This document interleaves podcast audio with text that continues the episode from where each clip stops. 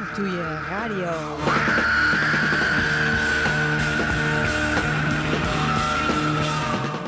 Recht schönen guten Abend, meine Damen und Herren. Ich begrüße Sie recht herzlich zu unserem heutigen Fernsehprogramm und wünsche Ihnen einen recht guten Empfang.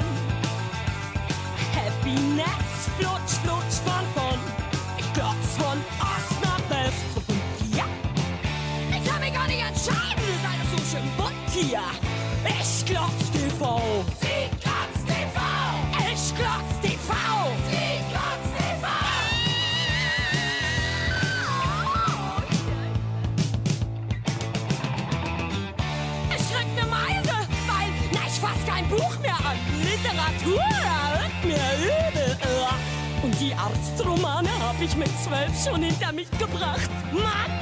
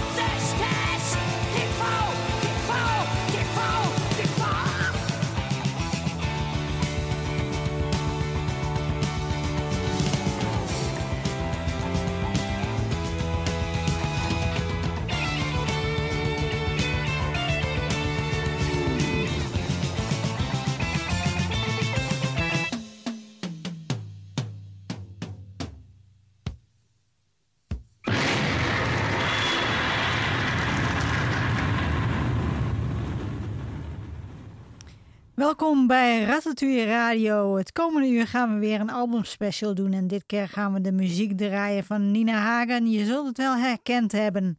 En we gaan wel haar eerste album draaien, Nina Hagen Band.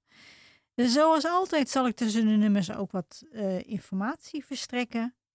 Uh, maar omdat ik ook nog wat van haar uh, album Volksbeat wil draaien, zal ik me beperken tot het wetenswaardigheden. En we openen met TV Clutcher. En dat is een uh, cover van het nummer White Punks on Dope van de Tubes.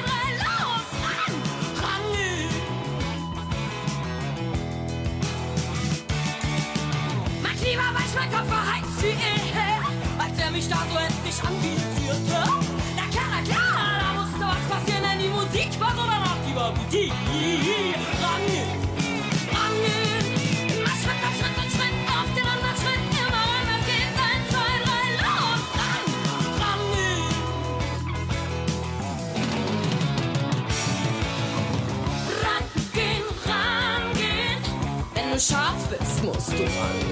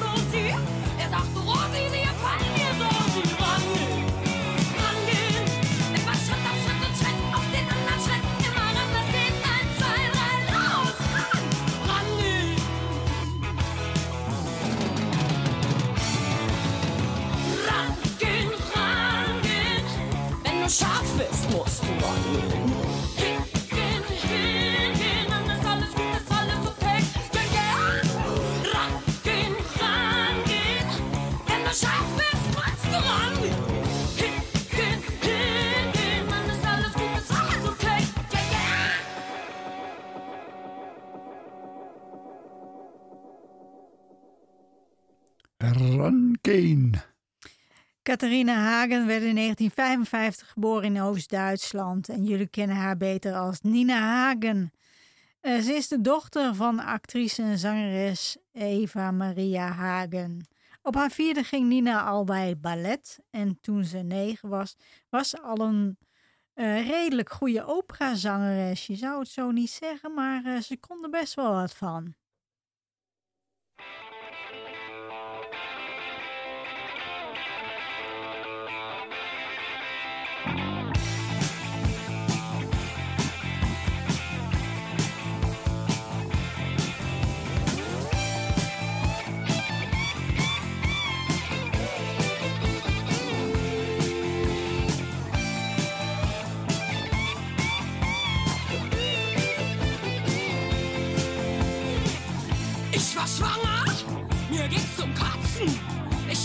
haben, musste gar nicht erst nachfragen.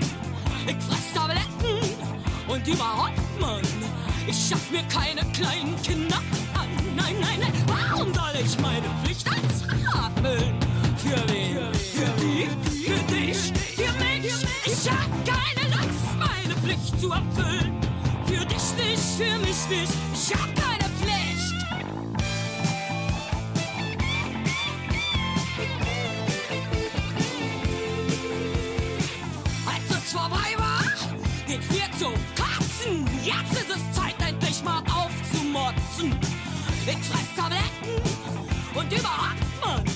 Ich schaff mir keine kleinen Kinder an. Nein, nein, nein, warum soll ich meine Pflicht als Frau erfüllen? Für wen? Für die? Für dich? Für mich? Ich hab keine Lust, meine Pflicht zu erfüllen. Für dich nicht, für mich nicht.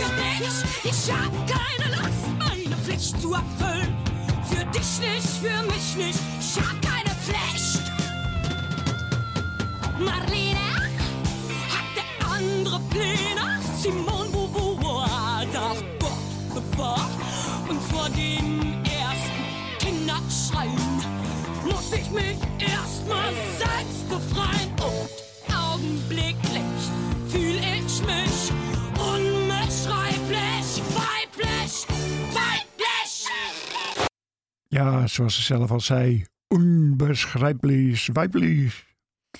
Toen Nina Hagen elf was, trouwde haar moeder met singer-songwriter Wolf Bierman.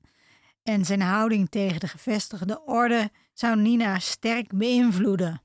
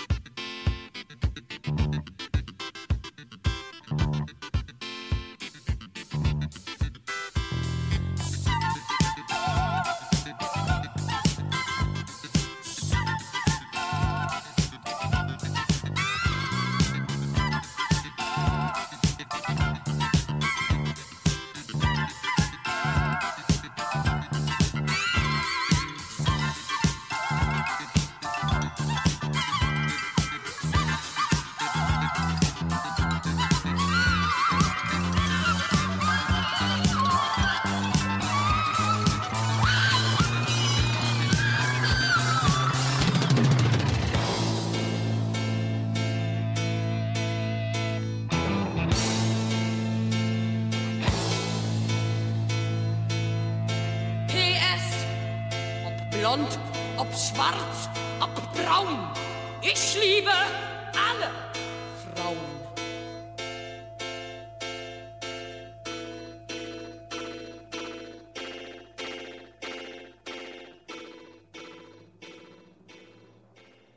Auf in Bahnhof Zoo.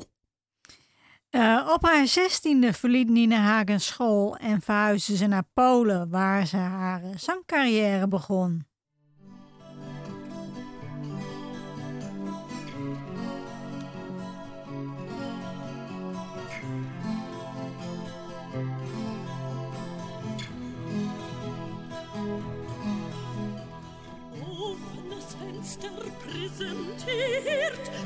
Spatzenwolken, Himmel flattern, Wind bläst, meine Nase friert und paar Auspuffrohre knattern nach.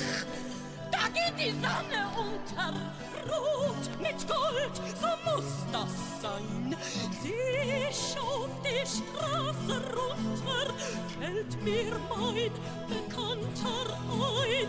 Drum jetzt schwer ums Herz. Ich brauch nur Vögel flattern sehen und fliegt mein Blick dann himmelwärts. Tut auch die Seele weh, wie schön Natur am Abend. Stille Stadt, verknackste Seele, Tränen rennen, das alles einen mächtig matt und ich tu einfach weiter rennen.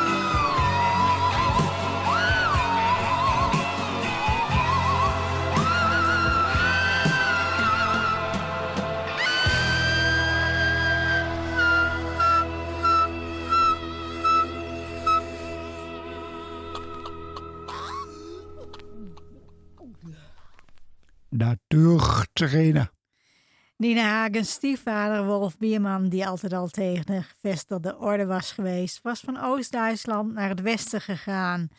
Dit ging niet zo gemakkelijk, maar hij was van een optreden in Keulen niet weer teruggekeerd naar Oost-Duitsland. Nina schreef een brief naar de Oost-Duitse regering waarin dat ze claimde dat ze de biologische dochter van Bierman was en dreigde de volgende Wolf Bierman te worden als ze niet naar haar vader mocht. De overheid was daar waarschijnlijk zo van onder de indruk en van geschrokken dat ze Pardoes toestemming kreeg.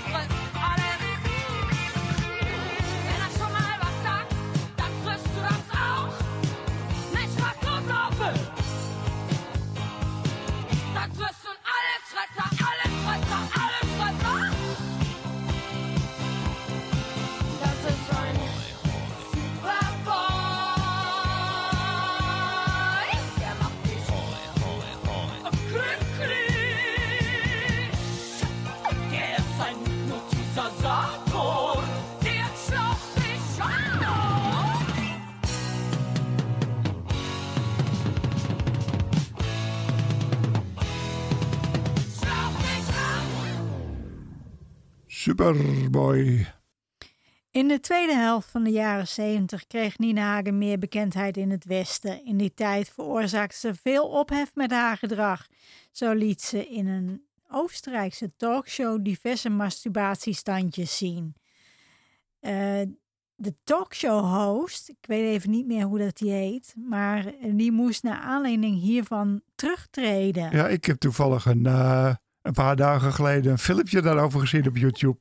Zeer hilarisch. ja, aan te raden om eens te kijken. Zoek het eens op.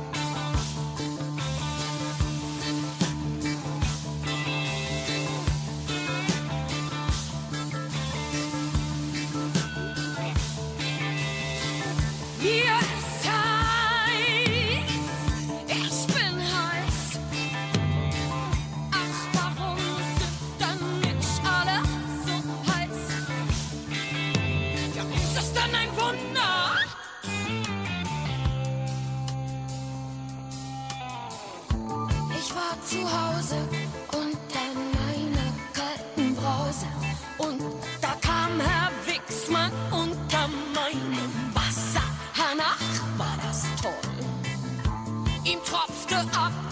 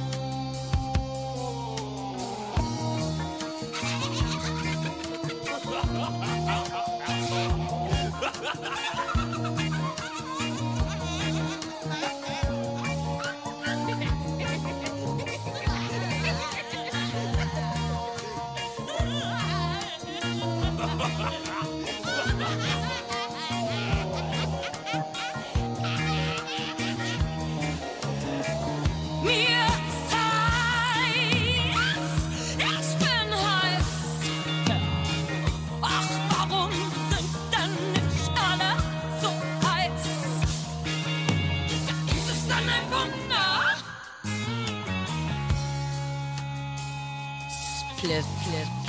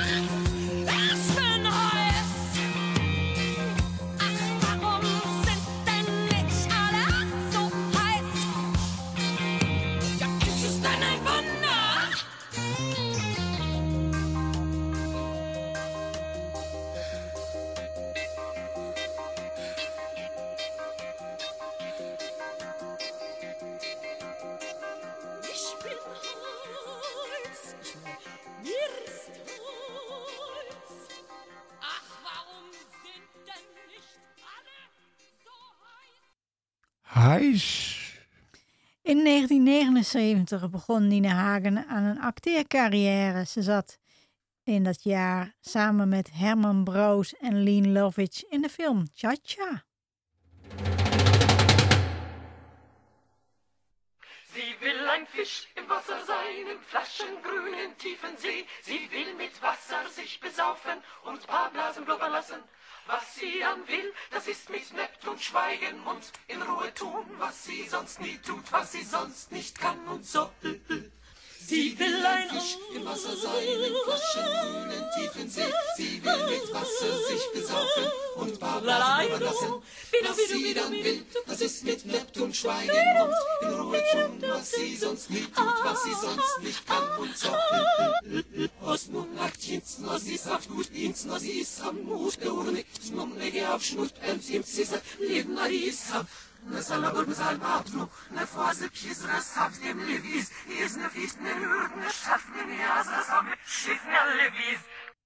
Vis im Wasser. In de jaren 80 kreeg Nina Hagen internationale bekendheid. Doordat in 1980 een Europese tournee niet doorging, werd in Amerika een 10-inch uitgebracht met twee nummers van haar. Eerste LP en twee nummers van haar tweede LP. Hoewel de titels in het Engel- Engels waren, zong ze in het Duits.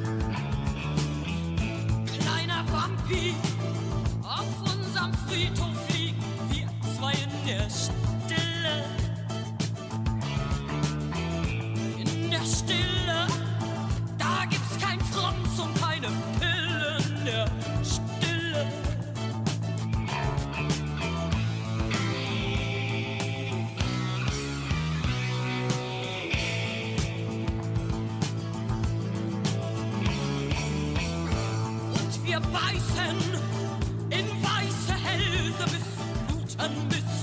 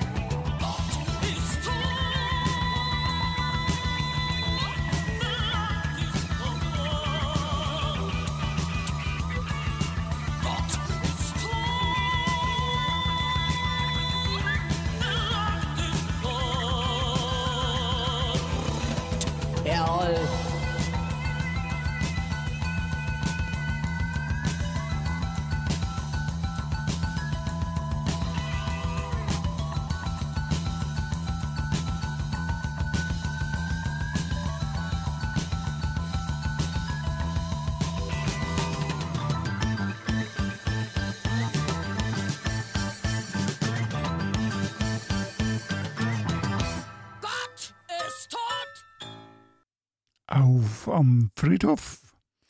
In 1986 bracht Nina Hagen met Lean Lovitch voor de LP Animal Liberation het nummer Don't Kill the Animals uit. Een ontzettend leuk nummer vond ik dat. Vind ik nog steeds eigenlijk. Ja, ik heb daar de, de 12 inch van. Ja, leuk. Eh, in de jaren 90 vertrok Nina Hagen met haar zoon en dochter, die ze inmiddels had gekregen, naar Parijs.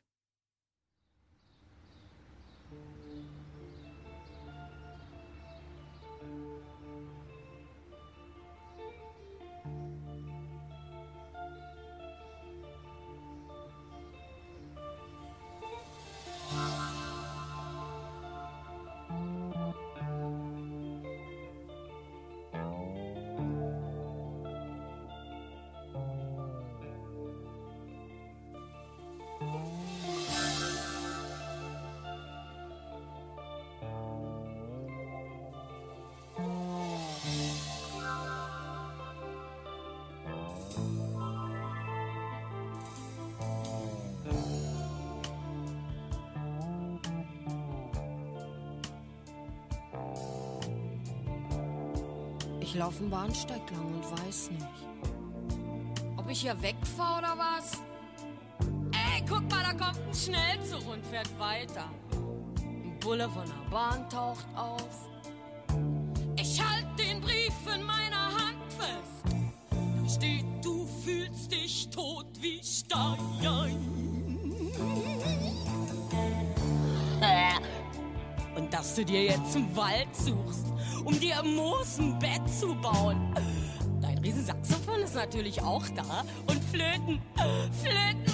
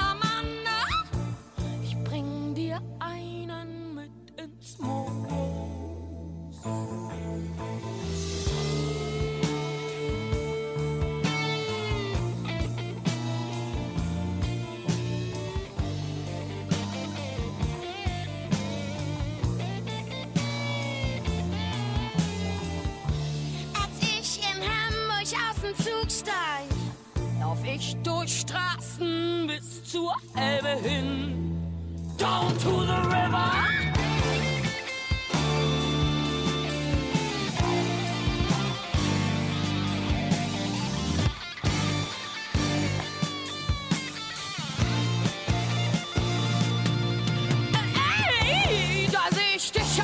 Stehen. Ich fass dich an und so, du hörst nichts. Du sagst, du musst zum anderen Ufer. Die Fähre fährt am nächsten Tag. Ich dachte,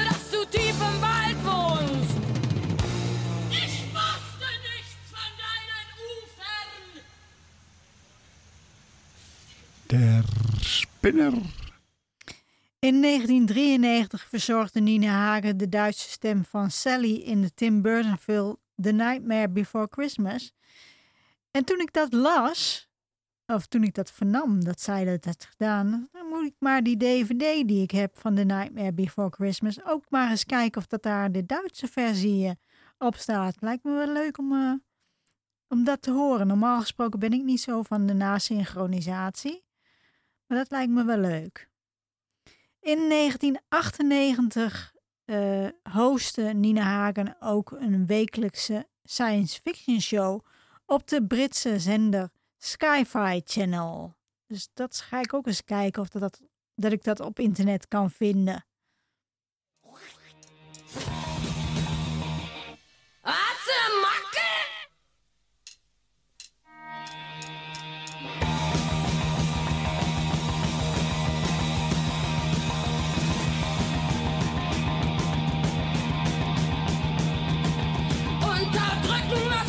Nicht. Auch wenn du es immer die ganze Zeit versuchst und weißt, dass ich glaub, du bist nicht als dich. Mir ist das ja zu viel und ich hab genug. Du hältst mich so, wie alle sind. Nein, nein, altes Schwein.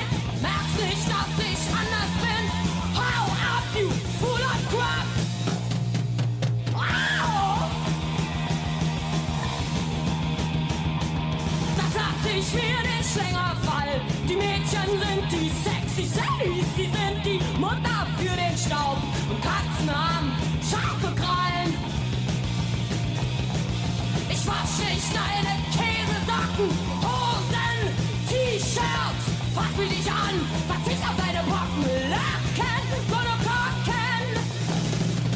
Ja. Ich schenk dir keine Kinder zum Zeitvertreib.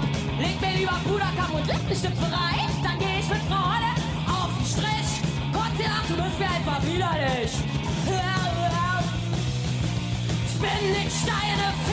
Fickmaschine. Spritz, Spritz, das ist ein Winter. Schätzchen, wir müssen aufeinander gehen. Ciao, ciao, du alte Sau. Get it! Bang.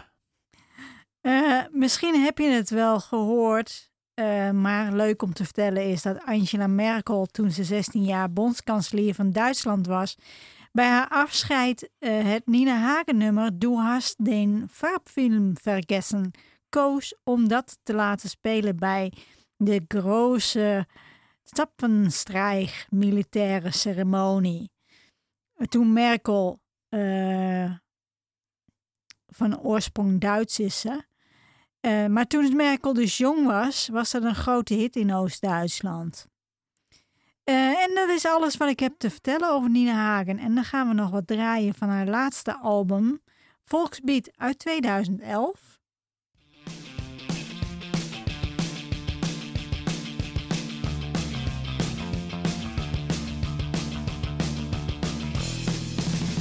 Die Häuser sollen nicht brennen. Bombe sollte man nicht kennen. Die Nacht soll für den Schlaf sein.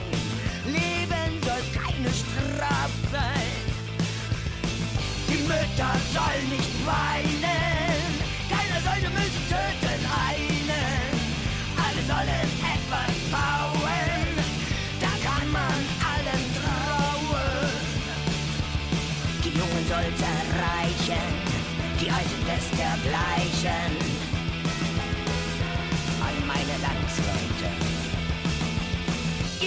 Überlebtet in gestorbenen Städten, habt doch nun endlich mit euch selbst Erbarmen. Zieht nun eine neue Kriege, nicht die Armen, als ob die Alten nicht gelangt hätten. Ich bitte euch haben mit euch selbst erbarmen. Ihr Männer greift zur Kelle, nicht zum Messer. Ihr seid unter Dächern schließlich jetzt. Hättet ihr auf das Messer nicht gesetzt. Und unter Dächern sitzt es sich doch besser. Ich bin euch gleich zur Quelle, nicht zum Messer. Ihr Kinder, lasst ihr euch mit Krieg verschonen.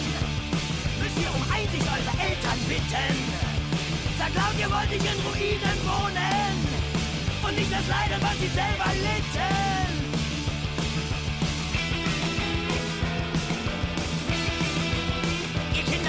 euch mit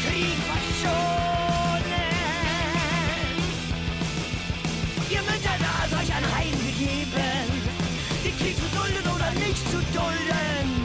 Ich will euch also eure Kinder leben, dass sie euch die Geburt und nicht den Tod anschulden.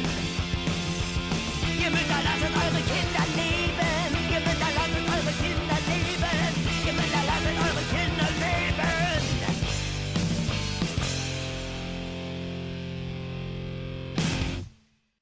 Bitten der Kinder und an meine Landsleute von Nina Hagen. Die Leute sollen ruhig wissen, ich find Jesus ist zum Küssen und ich rocke und ich rolle mit den ruhigen Gewissen. Die meckern alle rum, streiten sich wie dumm, aber Nina Rocks, die Gospel, die ist ja nicht dumm. Ich weiß, was ist und was recht und schlecht. Aber Kinder, sie ist heute wirklich nicht nach Witzen. Ich lass mir auf dem Teufel nicht einen Rock'n'Roll sitzen. Bin extrem guter Hoffnung, Leute. Trotz mir ganzen braun okkulten Dreck.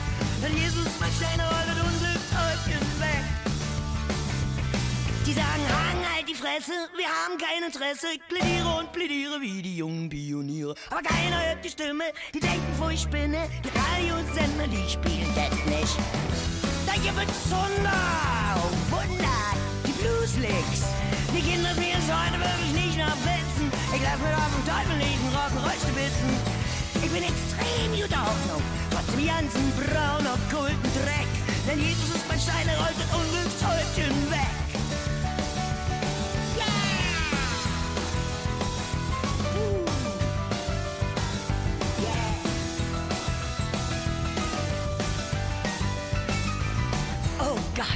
Liebe deine Rockmusik, das lebendige Lied mit dem lebendigen Beat. Oh Gott, ich liebe deinen Rock'n'Roll. Aus einem Fluss in einen Bus. Ich mag keine Beerdigungsmärsche für tote Herrscher. Wir sitzen alle im selben Boot. Die Kinder sehen es heute wirklich nicht nach Witzen. Ich lass mir auf dem Teufel einen Rock'n'Roll stibitzen. Bin extrem guter Hoffnung heute.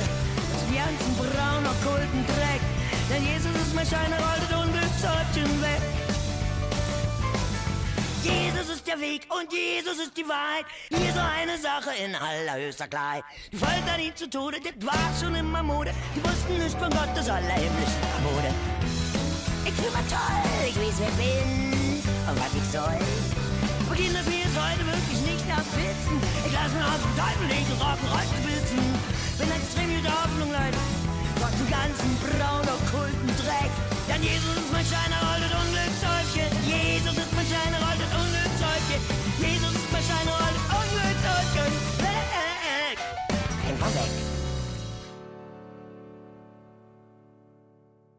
Ich lass mir doch vom Teufel nicht. Ja, eh, we zullen het nooit weten. Ehm, ik kijk op de klok en we moeten weer afscheid nemen van jullie. Bedankt voor het luisteren allemaal. Ratatouille Radio kun je terugvinden op ratatouilletv.wordpress.com. Ja, en dan eindigen we met Killer.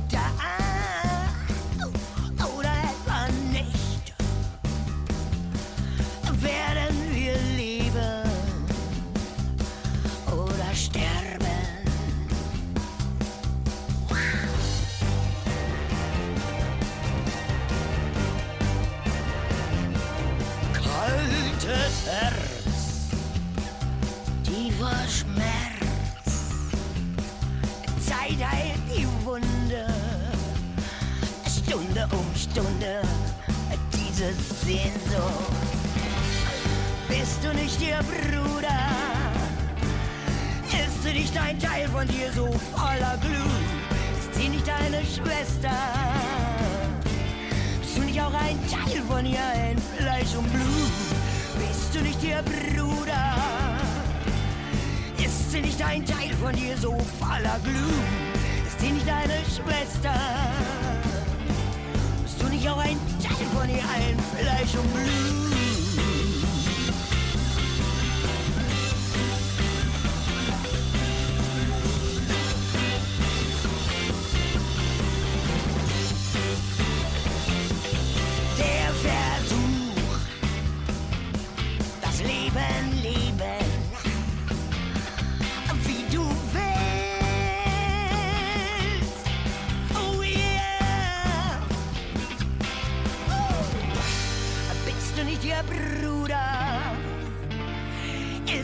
Ein Teil von dir so voller Glut?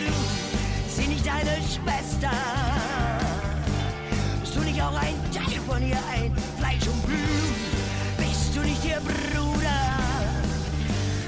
Ist sie nicht ein Teil von dir so voller Glut? Sie nicht deine Schwester? Bist du nicht auch ein Teil von ihr, ein Fleisch und Blut?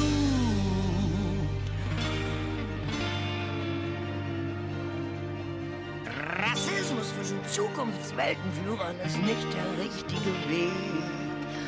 Und überhaupt, sind alle unsere Söhne und Töchter bereit, wie sich das anfühlt.